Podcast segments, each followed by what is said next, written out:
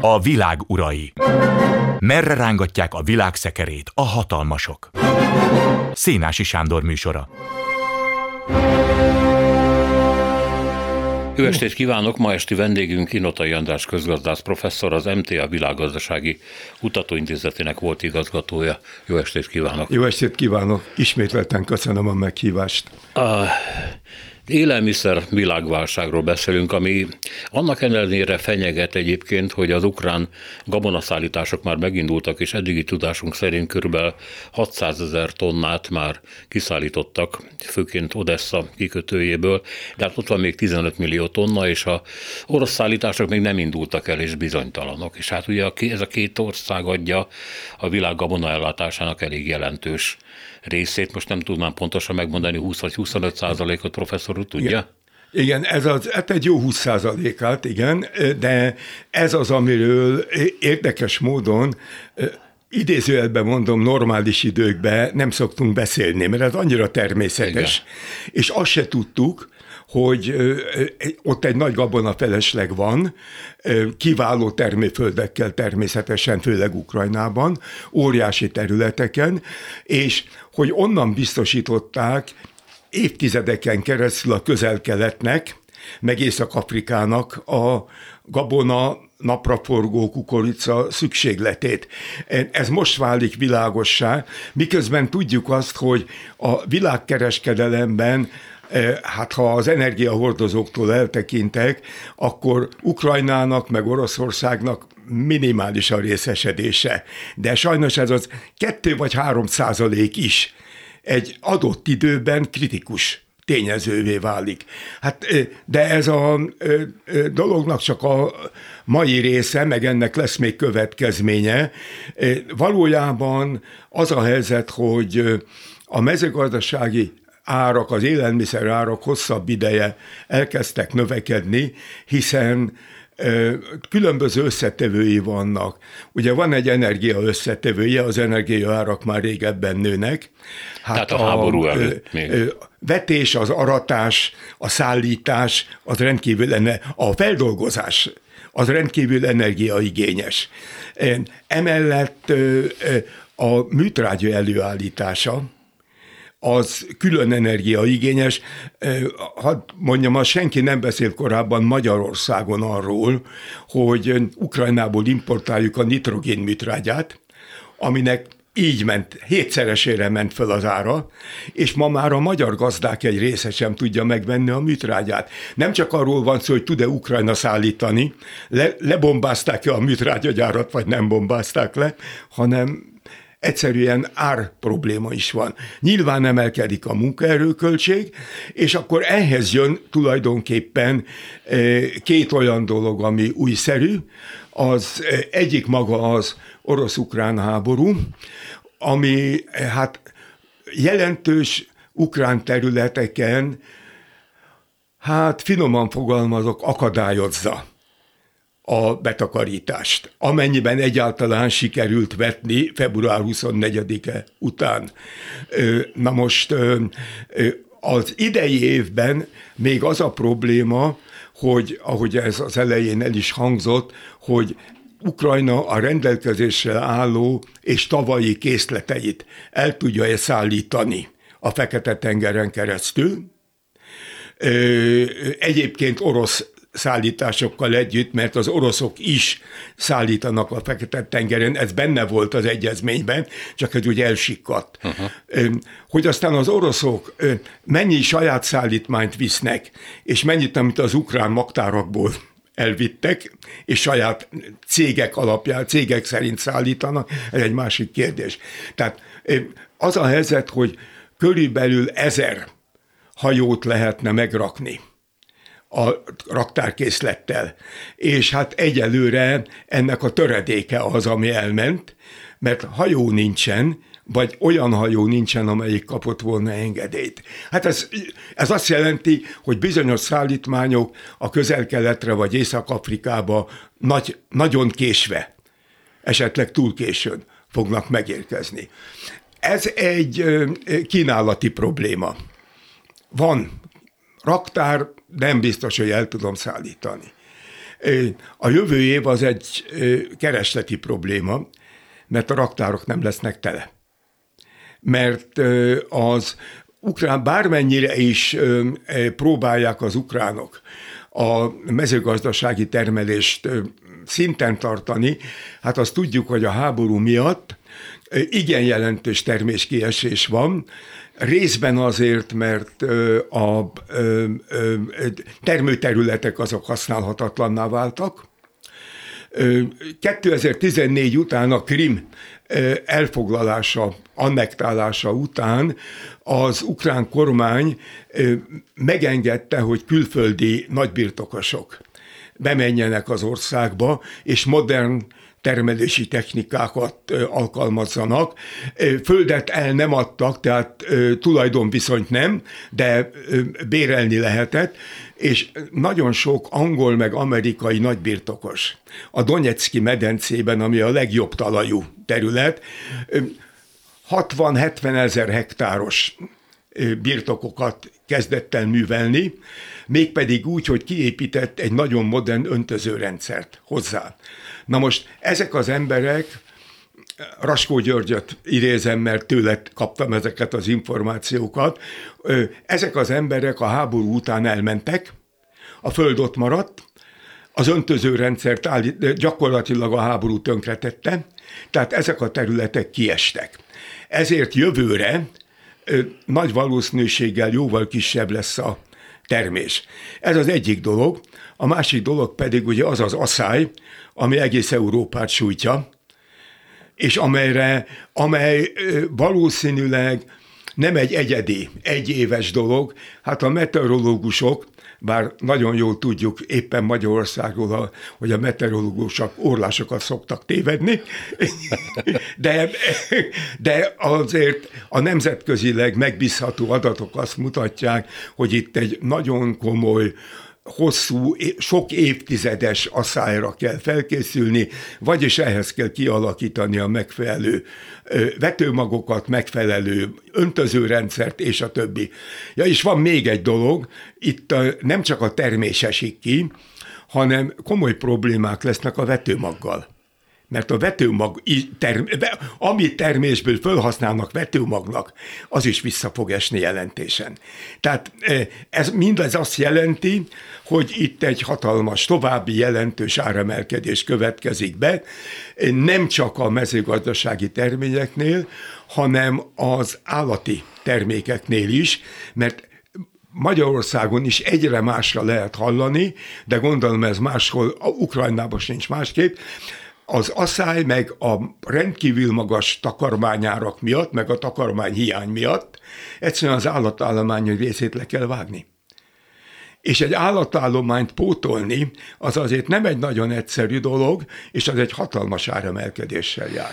Szóval, ha összefoglalhatjuk a jelent meg a közeljövőt, professzor, akkor azt jelenti, hogy a mezőgazdasági termények, tehát a, mondjuk a, a gabona, illetve az állati áruk előállítása sokszorosan drágul meg, ezekből sokkal kevesebb is lesz a piacon, mint eddig volt, és sokkal drágább lesz. Ez így van, De ez és, is... és ehhez jön még egy globális tényező, nevezetesen a túlnépesedés, úgy nevezzük, hogy túlnépesedés, elsősorban az afrikai ö, ö, ö, lakosságnak a rendkívül gyors növekedése, amely hát élelmiszert igényel, és nem csak az a probléma most már, hogy a megfelelő mennyiség rendelkezésre áll le, hanem az is, hogy meg tudják-e fizetni. De Igen. valószínűleg a mennyiség sem lesz elegendő. Nem véletlen az, hogy az utóbbi hetekben több Európai Uniós vezető elutazott a Szahelövezetbe, például Macron, aki próbálta megnyugtatni a lakosságot, hogy ha nem érkezik meg az ukrán vagy az orosz szállítmány, akkor is valamilyen formában az Európai Unió próbálja biztosítani az ellátást. Volt egy másik látogató, legalább ennyire feltűnő volt, Lavrov orosz külügyminiszter, uh-huh. aki elment és azt mondta, hogy a nyugatiak, főleg az Európai Unió hibás azért, ha a Szahel övezetben nem érkezik meg az orosz gabona, ami hát egy enyhén szólva hazugság, és gyakorlatilag arra biztatta őket, kimondva kimondatlanul, hogy ha itt éhínség lesz, akkor tessék milliós számra indítani migrációt Nyugat-Európába, mert valahol mi Nyugat-Európát alá akarjuk ásni, és ehhez nekünk van egy Európai Unió szövetségesünk is. Igen. És akkor no comment. Igen, eh, hát ez az, amit eh, most már egyre többször mondanak, hogy az oroszok nem csak a energiát, hanem az élelmiszert is fegyverként használják föl. Egyébként most éppen az történik, ugye, hogy ahogy elindultak az orosz szállítások is lassan, Részint sikerült korábbi ukrán szerződéseket szétrombolni, például Egyiptommal, Egyiptom fölmondta Ukrajnával, és oroszoktól veszi meg a gabonát. De a probléma az, hogy nagyon drága az ukrán gabona szállítása, tehát drágább, mint az orosz gabona, amit áron alul adnak, és így aztán ott van a tengeren egy csomó olyan ukrán termés, amit egyelőre nem tudnak eladni, miközben hiány van. Igen. Hát az árkülönbség amennyire én tudom, nem abban van, hogy az ukrán gabonának a minősége sokkal jobb, nem mint az a szállítási probléma. A szállítási költségekben van, és emellett van az orosz politika tudatosan használja az árcsökkentést bizonyos befolyási övezeteknek a megszerzésére. Erre az élelmiszereknél sokkal jobb példa az olaj. Igen. Hogy áron alul ad például Indiának olajat, vagy Miközben a földgáz ára az egekben, az olajárak is nagyon erősen emelkedtek, és jóval kevesebbet szállítanak ugyan a szankciók következtében, meg az ebben kapcsolatos orosz ellenszankciók következtében Nyugat-Európának, de miután az keres, a, a kínálat nagyon alacsony, az árak fölemelkedtek. Tehát az oroszok ugyanannyi köbméter, felek köbméter gáz, vagy millió köbméter gázért ugyanannyit kapnak, mint amennyit korábban száz százalékért. És ebből a többlet bevételből adják a kedvezményeket mondjuk Indiának, meg egyéb olyan országoknak, amelyeket úgy gondolnak, hogy a saját hát eh, hogy mondjam, érdeklődési vagy befolyási övezetükbe be lehet vonni. Ez Kínára is vonatkozik. Na most e, itt az a helyzet, eh, mert az az energia a következő rész, hogy e, e, e, olajat azt lehet szállítani hajón. Ha nincs kiépítve az olajvezeték, lehet szállítani hajón. Igaz, hogy Oroszországból hajón szállítani Indiába, az azért egy elég költséges dolog, meg kell kerülni egy vagy Eurázsiát, vagy, vagy Ázsiát, vagy Európát, de földgázt viszont, ha nem folyékony földgázról van szó, amit az Egyesült Államok szállít Nyugat-Európának, meg most próbálnak Kanadából is, meg máshonnan is, meg Norvégiából folyékony földgáz szerezni, a, azt megy tengeren, de egyébként a földgáz az csak vezetéken keresztül megy, és a vezetékek, az orosz gáz vezetéke se Kínába, se Indiában nincs kiépítve. Még csak visszatérve, bocsánat, egy szó erejéig az orosz és a, az ukrán gabonaszállítmányokra, az oroszok képesek lennének azokat a kötelezettségeket is ellátni, amiket korábban az ukránokkal kötöttek a különféle afrikai országok? Ezt, ezt én nem tudom megmondani, de amennyiben igen, akkor biztos, hogy az élelmiszer szállítmányokat ö, ö, azért mérlegelnék, hogy kinek adok, kinek nem adok, és milyen feltételekkel. Uh-huh. Ehhez megvan a játékterük. Tehát gyakorlatilag politikai osztogatás kérdése. Teljes egészében. Igen. Tehát az egy, az egy másik dolog, hogyha az ember mondjuk, hogy mondjam, keresztényként különbséget tesz az érték és az érdek között, akkor a keresztény értékek mennyiben egyeztethetők össze az ilyen jellegű gazdasági politikai érdekekkel. Ó, hát professzor. De ez egy másik téma. Igen, a politikai kereszténység az olyan hajlékony, mint a legjobb damaszkuszi penge. Azt mondja, hogy térjünk vissza a dolog elejére, mert ugye most beszéltünk a jelenről, meg a következményekről, de nem beszéltünk az indulásról. Arról ugyanis, hogy hát a különféle országok propagandái, mondjuk a miénk, arra használják a jelenlegi helyzetet, hogy kizárólag a háború következményeként mutassák be az energia meg az élelmiszer problémákat, de eh, ez nem így van. Eh, viszont eh, ebben nem csak a Covid játszik szerepet állítólag, hanem a Covid elindulás előtt is látható volt, hogy az élelmiszerárakkal baj lesz, nem tudom pontosan, hogy miért. Vagy azért, mert a túlnépesedés következtében csökken a termőterület, kevesebb állatot lehet tartani, vagy már akkor is voltak másfajta problémák. Én nem vagyok mezőgazdasági meg élelmiszer szakember, de nyilvánvaló az, hogy itt nagyon sok tényezőnek az összejátszásáról van szó, ami a felszín alatt vagy akár a felszínen is már megjelent korábban, nem tulajdonítottunk nekik nagy jelentőséget, és most, amikor van egy ilyen robbanás, árrobbanás, meg keresleti robbanás is a ö, ö, lakosság részéről.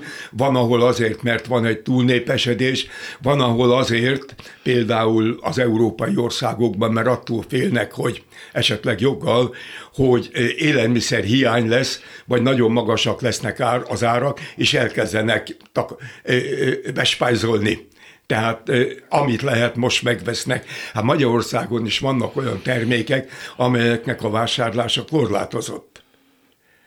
Csak egy meghatározott mennyiséget lehet egy alkalommal venni. Étolaj, cukor és a többi. Biztos, hogy ebben a Covid-nak és a Covid következtében összeomló globális értékláncoknak komoly szerepe volt. Mi a, amikor a érték, globális értékláncról beszélünk, akkor mindig azt mondjuk, hogy ja, igen, a nemzetközi autóipar. Tehát ez sokkal többről van szó. Itt a legkülönfélébb termékeknek a összeszerelése, előállítása, különböző termelési fázisoknak a elvégzése, az tényleg létrehozott egy nemzetközi láncolatot, nagy rész Kínával, de nem csak. Tehát túl vagyunk azon a szakaszon, ami mondjuk 20 éve volt, hogy bementünk a boltba, és megvettük a pólót, vagy a nadrágot, vagy az oknit Made in India, Made in mit tudom én, Thailand, és a többi. Ezek itt nagyon bonyolult termékek vesznek részt ebben az értékláncban. Mikrocsipek. Hát ö, ö, elég az, hogyha egy autónak van mit tudom én, 5000 alkatrésze, ha abból kettő nem érkezik meg, akkor az autót nem lehet, vagy csak biztonsági szempontból nagyon kockázatosan lehet forgalomba helyezni. Ugye Oroszországban erről keveset beszélnek, de az Európai Uniós szankciók nyomán gyakorlatilag a teljes autógyártás leállt.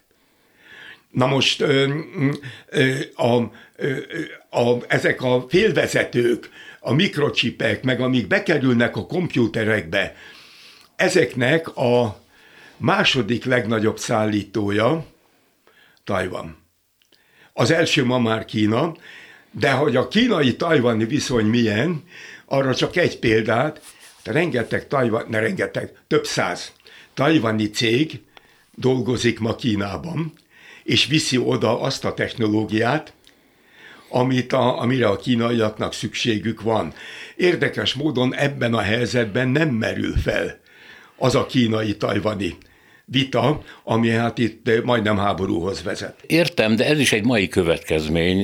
Én meg az eredélyre vagyok kíváncsi a problémánknak, hogy, hogy voltak éppen mi indított el az élelmiszer ár emelkedéseket még jóval a Covid előtt. Már akkor az élelmiszert, akár csak a vizet, vagy az olajat, vagy a földgáz stratégiai terméknek kezdték tartani, és nem véletlen, hogy a magyar kormányok is rengeteget beszéltek a magyar mezőgazdaságról, mint húzóágazatról, keveset tettek érte, vagy éppen semmit, mondjuk a vízgazdálkodásra gondolunk, akkor ma, magát a semmit tették érte, de azért a tudatukban ez valamiképpen benne volt.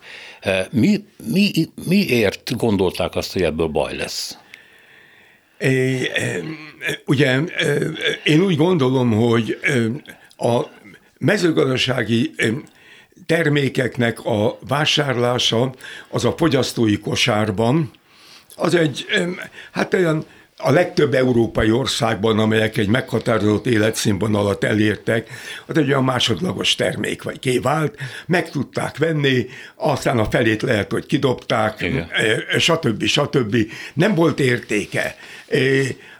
Aztán elkezdtek vásárolni, aztán jöttek a élelmiszertermelők, akik azért elkezdtek egy változatos kínálatot termelni, ami azt jelentette, hogy hát adok alapélelmiszereket olcsón, aztán feldolgozottsági fogtól meg ráírom, hogy ez egy különleges sajt, az meg egy különleges felvágott, akkor kezdték ezeket az árakat emelni. Ebbe benne voltak a munkaerőköltségek, van olyan ország, ahol ebbe benne voltak az adó terhek is, és nyilván benne volt az is, hogy erőteljesen nőtt a kereslet, és, ezzel, és ezt a kereslet, ennek a keresletnek mindenhol van egy árfelhajtó tényezője. Tehát sok minden szerepel, de ezeket a Covid, meg most az orosz-ukrán, hát az orosz invázió után látjuk csak egészen hogy mondjam, drasztikusan. Eddig ezek a tényezők másodlagosak voltak. Igen, mert a második világháború után kiépült az olcsó élelmiszerek világa, a tömegtermelés világa, ami miatt nagyon sokan panaszkodtak, ugye mondjuk egy Jamie Oliver nevű szakács meg celeb, aki azt mondta, hogy hát igaz, hogy olcsók ezek a kaják, de hát vacakok, hát miket adunk a gyerekeinknek a menzán, és évtizedekig harcolt, hogy legyenek minőségi élelmiszerek, aztán nem lettek a brit iskolákban, pont ugyanazokat a vackokat adják a gyerekeknek, mint mondjuk Magyarországon. De ez, ez, ez olcsó volt, és aztán hirtelen elkezdett valóban drágulni, de sokan azt mondják, hogy hát ez Kína, meg India középosztályának a megjelenése és növekedése, amelyik elkezdett fogyasztani, elkezdett rendelni. Ez kétségtelen, hogy az, az a tény, hogy Kínában megjelent egy hát európai méretekben is tekintélyes középosztály, egy 140 millió ember, amely aki most ugyanolyan színvonalon tud élni, mint egy európai, és vásárolja az európai termékeket. Tehát ez kétségtelen, hogy ennek is volt egy nagyon komoly árfelhajtó ereje, az indiainak valószínű kevésbé, de én hozzáteszem, hogy még a nyugati élelmiszeripari cégek korábbi oroszországi tevékenysége is ebbe belejátszott, mert ott is volt egy olyan réteg, jelentős réteg, amelyik nem csak meg tudta venni, hanem meg is akarta venni a nyugati termékeket, mert úgy gondoltam, joggal, nem joggal, okkal, ok nélkül, hogy azok jobbak. Na most ezek a nyugati cégek nagy részt a McDonald's-től akár meddig ezek most ott hagyták Oroszországot.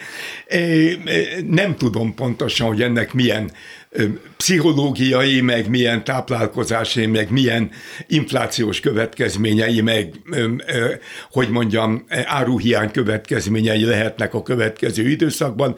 Erről a hivatalos orosz sajtó nem ír, lehet, hogy ez csak hosszabb távon fog hatni. A nagyhatalmak politikájáról ugye már beszéltünk arról, hogy hogyan használják az oroszok fegyverként az élelmiszert is, de Kína is itt van ezen a piacon, nem úgy, hogy nagyon nyilvánosan korlátozná a hozzáférés mondjuk az ő szállítmányaihoz, hanem úgy, hogy irdatlan mennyiségű földet bérel vagy vásárol föl Afrikában, vagy Dél-Amerikában, vagy máshol a saját igényeinek megfelelően. Ez azt jelenti, hogy ezeken a területeken, különösen Afrikában, óriási területekre teszi rá a kezét, gazdaságilag, politikailag, és hát nyilván ott már mögött egy, egy, egy militáris erő is természetesen. Ez mennyire befolyásolja a világ élelmiszer helyzetét? Hát ez is befolyásolja jelentősen. Az a kérdés ugye, hogy ezeket az afrikai földterületeket a, milyen mértékben használják ki mezőgazdasági termelésre, és milyen mértékben próbálják a meglévő természeti közeget, természetes közeget kiírtani, ami után nem tudom, hogy lesz-e mezőgazdasági termelés, de ez nagyban zajlik a Bolsonaro féle Brazíliában is, ahol az Amazon a szőserdejét írtják ki, amelynek a világ jövőbeli éghajlatára lesznek beláthatatlan következményei. Az a baj, hogy ezeket a következményeket mm, a szakemberek már előre jelzik, de az állampolgárok, és most az 7,8 milliárd világpolgárt értem, tehát amennyien élnek a világon, ezeknek a jelentős része legyint rá, és azt mondja, hogy hát ez nem az én generációm. Mm-hmm. Ez majd, meg nem is biztos, hogy igaz. Igen. Tehát ide a világ élelmiszer problémája úgy gondolom, hogy eljutott egy olyan pontra, épp úgy, mint a környezetvédelem, ahol valójában globális élelmiszerpolitikát kellene folytatni, ugyanúgy, mint globális energiapolitikát, globális környezetvédelmi, globális migrációs politikát. Na most ezek a második világháború után kialakított és helyesen kialakított nemzetközi szervezeteknek a munkájában, tevékenységében nem jelennek meg. Pedig van egy biztonsági tanács, na most ha valami biztonsági kérdés, ellátás biztonsági, akkor az energia, az élelmiszer, a környezet még tágabb értelemben, a migráció, azok alapvető biztonságpolitikai kérdések. Na most ahhoz, hogy meg lesz-e a vezető hatalmaknak, amelyek ugye a világszekerét különböző irányba rángatják, meg lesz-e a normális ö, ö, ö, koncepciójuk, hogy ezt belátják-e, és ha igen, akkor túl tudnak-e lépni nagyon rövid távú önző érdekeken, az egész emberiség is, mindannyiunk érdekében, sőt, saját maguk érdekében is, akkor ez, ez, egy, ez egy teljesen nyitott kérdés.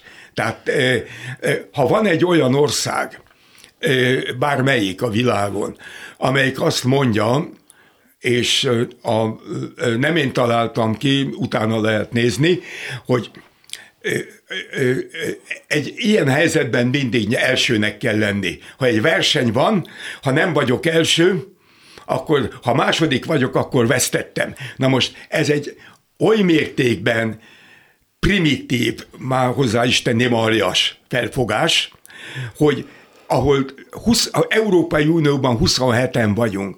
Ha én az Unióban a második helyen végzek, akkor mindenkit, aki ebben részt vett, komolyan mondom, megkoronázok. De, de most világméretekben nincs arról szó, hogy én mindenkit legyőzök, mert saját magamat is eltemetem.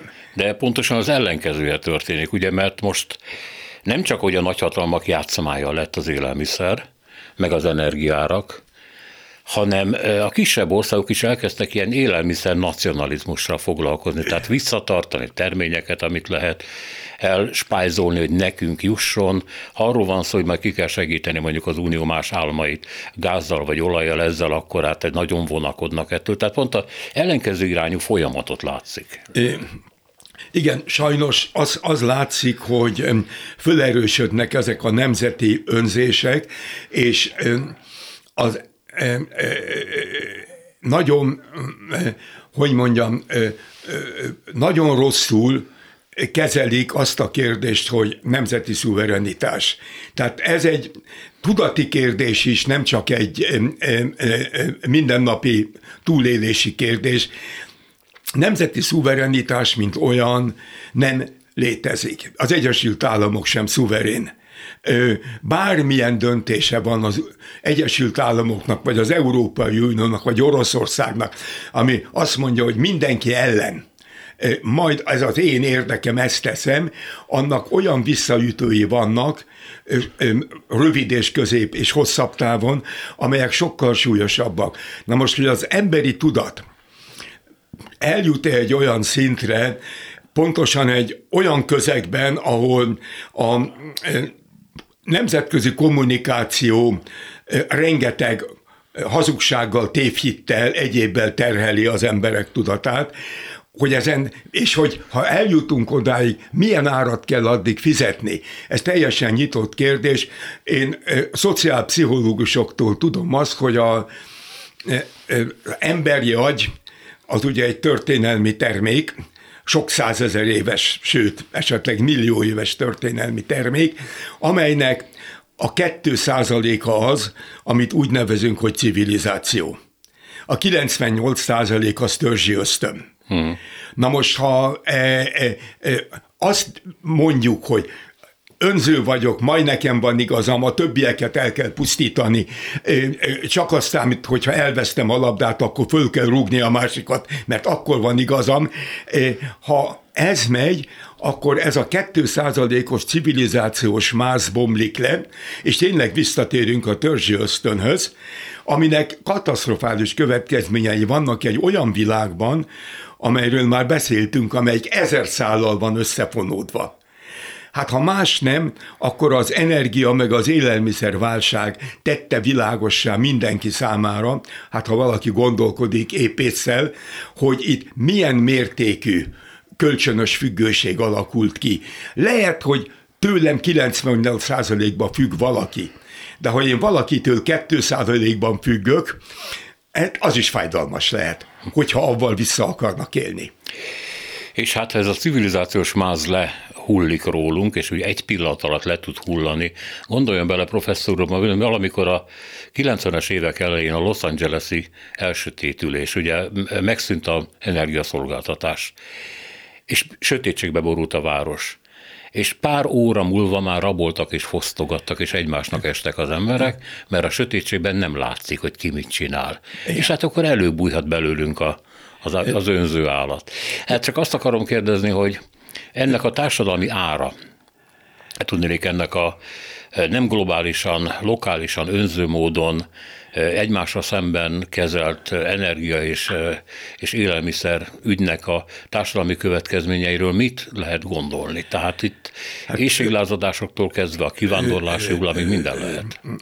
Én nagyon szeretném, ha sikerülne egy olyan globális, európai és országos kommunikációs, összehangolt kommunikációt folytatni, még mielőtt túl késő, hogy az embereket rávezetni arra, hogy milyen mértékben függünk egymástól, milyen fontos az önfelelősség, hogy mindannyian felelősek vagyunk a saját jövőként, mennyire fontos a szolidaritás, mi az, ahol az állam, az adott ország, akár az Európai Unió egy közös alappal, akár egy globális alap, amit meg kellene teremteni, tud segíteni abban, hogy az legnagyobb nélkülözésnek kitett rétegeket, azokat be tudjuk vonni a normál életbe, hogy ne legyenek olyanok, akik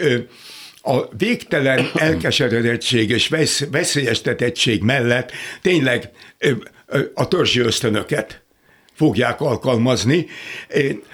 Ha ez a dolog, ebben nem lépünk időben, akkor fennáll a veszélye, hogy a társadalmi konfliktusok jelentősen megnőnek, és hatalmas árat kell fizetni majd azért, hogy utána valamennyire egy működő vagy látszatstabilitást biztonsági stabilitást vissza lehessen építeni. Ennek óriási gazdasági, pénzügyi, társadalmi és hozzáteszem emberéletben is mérhető kára lenne. A nagy kérdés az, hogy ebben a rendkívül fel, hogy már felgyorsult világban, és ez egy nyitott kérdés, ahol naponta sok ezer információ ér minket, sok tízezer, ha akarom. Ezeket jó információk, helyesek, fals információk, hazugságok, hogy tudom ezeket feldolgozni? Na most alkalmas-e az emberi agy arra, és ez megint egy pszichológiai kérdés, hogy ebben ezt a komplex minden interdependent, összefüggő, sőt hozzáteszem interdisziplináris valóságot, ahol a gazdasági, a ö, ö, környezetvédelmi, a politikai, a biztonsági kérdések egymással összefüggnek, minden gazdasági döntésnek vannak nem gazdasági következményei. Hogy ezeket fel tudja-e fogni. Vagy pedig az emberi agy fejlődése az nagyon lassú, a jelenlegi változások gyorsaságához képest. És akkor tulajdonképpen vannak ö, olyan könyvek, amelyek itt a civilizációk összeomlásáról, meg egyebekről beszélnek. Én szeretnék egy kicsit optimistább lenni, de ehhez az kell, hogy itt elinduljon egy globális, ezen belül egy európai, meg egy ö, regionális, meg lokális párbeszéd, hogy értsük meg már egymást, itt mindannyian felelősek vagyunk a jövőnkért, és nem arra kell mutogatni, hogy te ennyire voltál felelős, te meg annyiért, hanem hagyjuk abba a bűnbakkeresést, és próbáljunk egyben a nehéz helyzetben, mert még a válságoknak nincs vége, válság tűrővé tenni a társadalmunkat. A válságtűrő képesség az messze nem csak gazdasági kérdés, az egy tudati és erkölcsi kérdés is. Hát, ha már itt tartunk, akkor is az nem csak a élelmiszer meg a, az energia árakkal függ össze, bár ugye nagy kérdés, hogy ezt a telet Európa, Európa népessége, hogy viseli el, és az ő tűrőképessége az mit, mit jelent majd mondjuk a, az Ukrajna támogatása ügyében, hogy egyre nagyobb tömegek szakadnak el erről, és azt mondják, hogy hát azért, ha nincs nálam elég meleg, meg az irodában, akkor nem érdekel az ukránok sorsa. És hát itt, itt nagyon könnyű átfordítani embertömegeket, attól tartok. Igen, e, ez sajnos ez már most is látszik, hogy azok az országok, amelyek az elején, hogy mondjam, teljes nyitottsággal e, és odaadással fogadták az ukrán menekülteket, lásd Lengyelország, és ahol ott maradt 1,3 millió ukrán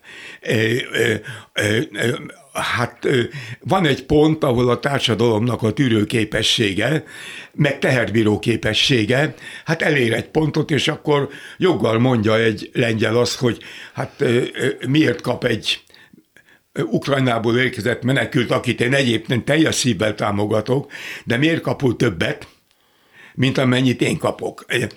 De a dolog úgy gondolom, hogy ennél sokkal szélesebb, és ez a szankcióknak a hatása kapcsán válik majd valós, világossá. Ugye az Európai Unió nagyon helyesen, amikor értékek és érdekek között kellett választani, akkor végre az értékeket választotta, és azt mondta, hogy az orosz invázió, az az európai, meg a globális értékrend durva megsértése, és ezért ezt így kezelem, és nem rövid távú, meg hosszabb távú gazdasági érdek alapján. Mindannyian tudtuk, hogyha bevezetik a szankciókat, akkor a szankciók azok nem egyirányú utca. A szankciók visszahatnak az Európai Unióra is, látjuk, már ma is, áremelkedésektől kezdve, de hatnak az oroszokra is, és itt a igazán nagy kérdés, ez egy eldöntetlen dolog, és ez megint visszavisz a történelmi örökséghez, meg a társadalmaknak a pszichológiájához, meg a múltjához, eh, hogy eh, jóval nagyobb károkat okoznak ezek a szankciók az orosz gazdaságnak, mint Európának. Ez kétségtelen, ez bizonyítható. De ha eh, ezek a hatások később jelentkeznek Oroszországban. Ráadásul ott egy nagyon tűrőképes társadalom van, a történelmi hagyományoknál fogva. A ugye nem tűrőképes 1860-as évekig volt jobbátság, soha sikeres modernizáció Oroszországban nem volt, diktatúrák voltak egymás után, és a társadalom ehhez hozzászokott.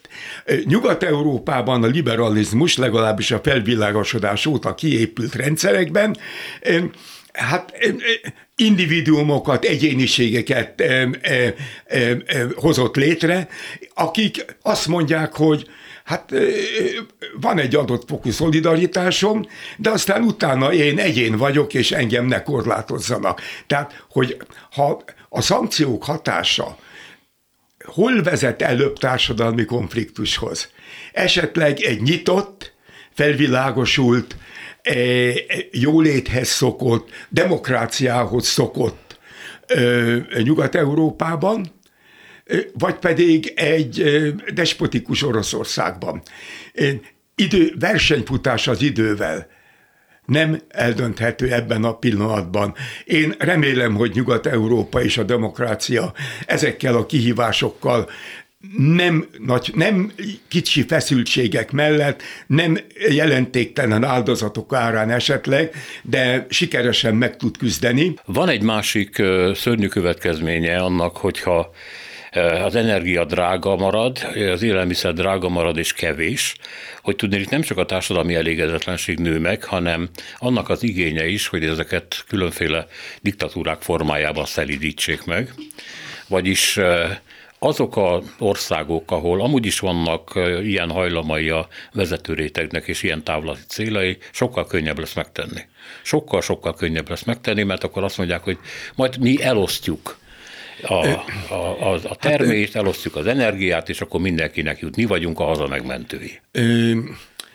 Hát én úgy gondolom, hogy amit már most is látunk, és ez a napi gyakorlat, amit a nyugat, az Európai Unió legtöbb tagállama csinál, hogy ilyen vegyes keverék, vagy egy keverék politikát alkalmaz, bizonyos rétegeket támogat, különös tekintettel a, van a tekinte, a, arra a kapcsolatban, hogy takarékoskodjanak, hogy az energiaellátást tegyük takarékosabbá, hogy kevesebb energiával is túl lehessen élni, hogy korlátozzuk mondjuk a különböző épületeknek a hőmérsékletét, növeljük a ö, ö, ö, szigetelést, stb. stb.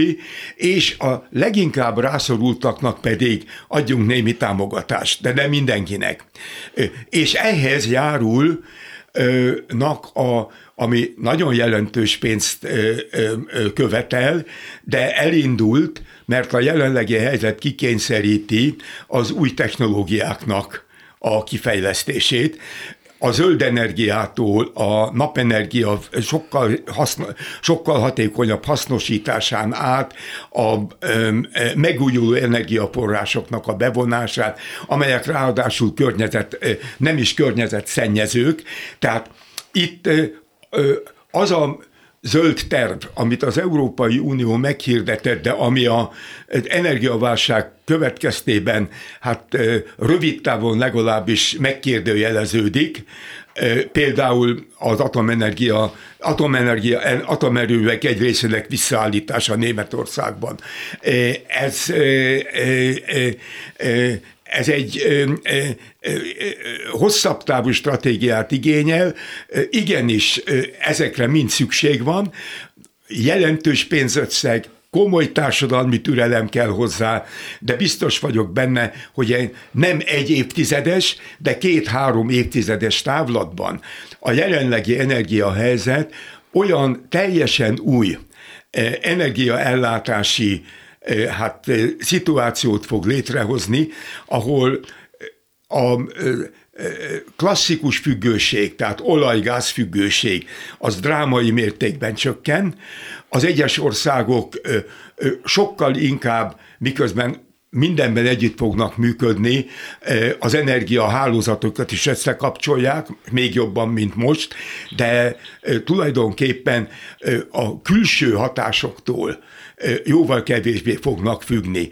És hát itt van az új technológia, ami, hogy mondjam, tudományosan megoldott, technikailag most folyik, a, most kezdik megvalósítani. Hát ha a tiszta hidrogént például be lehet vonni az energiaellátásba, és hatékonyá lehet tenni a napenergiát, a szélenergia egy része már amúgy is hatékony, akkor tulajdonképpen át lehet állni egy szén, ö, ö, ö, olaj és gázmentes energiaellátásra, és lehet, hogy az atomenergia egy része is kikapcsolható lesz, mert az ugye a legbiztonságosabb, addig, amíg nem esik le egy atombomba oda, vagy egy bármilyen bomba mondjuk Zaporosibe. Hát ezért beszéltünk hogy a társadalmak, különféle társadalmak tűrőképességéről, mert ezt át kell vészelni, gondolom én. De eh, ugye sok szó esett ebben a beszélgetésben már arról, hogy mennyire összefüggnek egymással a energia meg a magas élelmiszerárak, ugye egymás függvényei tulajdonképpen.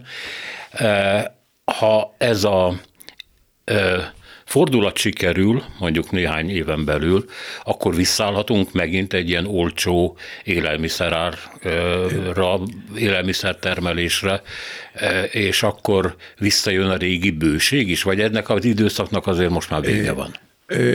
Hát ezt nagyon nehéz előre jelezni, de hogyha, de itt úgy gondolom, hogy az egyik legjelentősebb tényező az a klímaváltozás lesz, hogy amennyiben tényleg Európában jelentősen megnő az asszály által, tehát a szárasság által érintett területeknek a nagysága, és nem csak Európában, máshol is.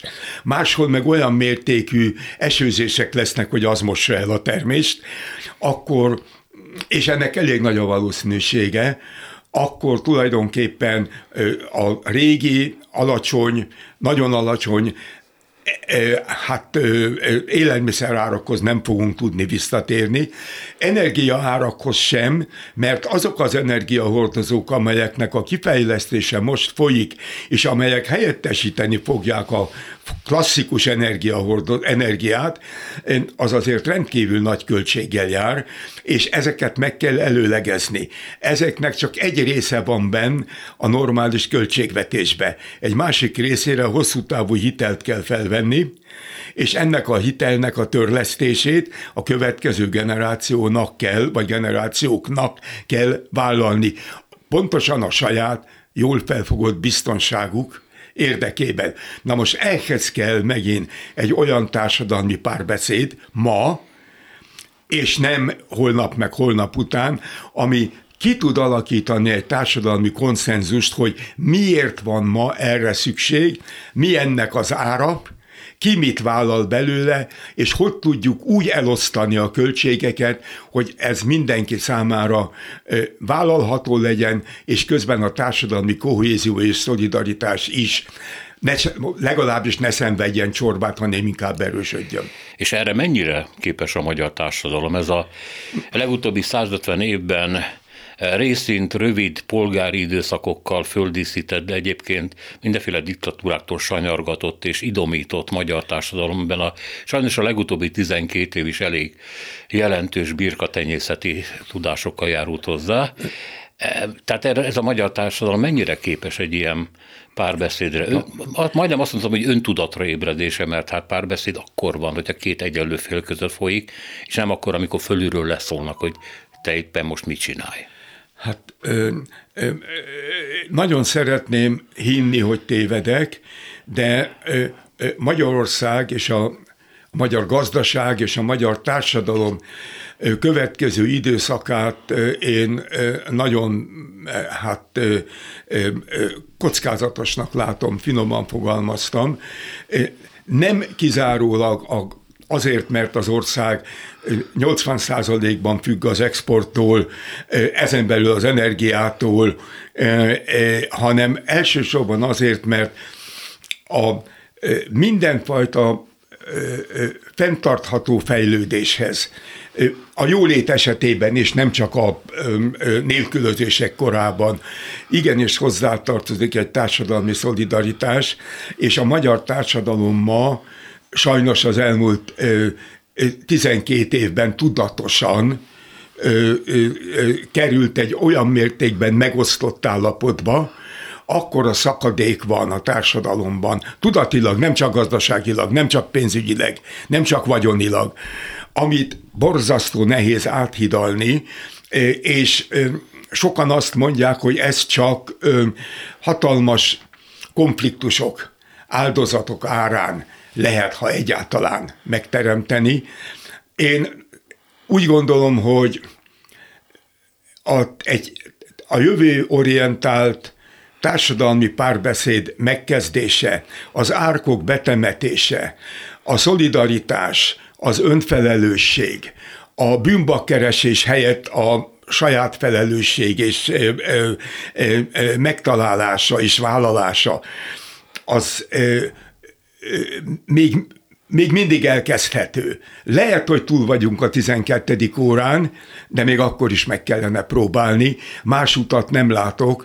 A ö, ö, másik út az, az, az olyan ö, szakadék és olyan katasztrófa, amit ez a társadalom, amelyik 12 évszázad viharos történelmét túlélte, óriási veszteségekkel, és egy, ö, ö, ö, ö, hogy mondjam, egy, ö, hát vissza kell rá télni, hál' Istennek nagyon kevert fajjal, kavart fejjel nem érte volna tül. Most az a kérdés, hogy a kavart fejet meg tudjuk-e, hogy mondjam, meg tudjuk-e gyógyítani, és akkor kezdjünk el egy párbeszédet, még mielőtt ezek a szakadékok drámai következményeket érlelnek. Köszönöm szépen, professzor, hogy itt volt nálunk. Inotai András közgazdász, az MTA Világgazdasági Kutatóintézetének volt igazgatója volt a vendégünk az elmúlt 52 percben. A műsort Selmec János szerkesztette, műsorvezető Szénási Sándor volt. Köszönjük a figyelmüket, minden jót!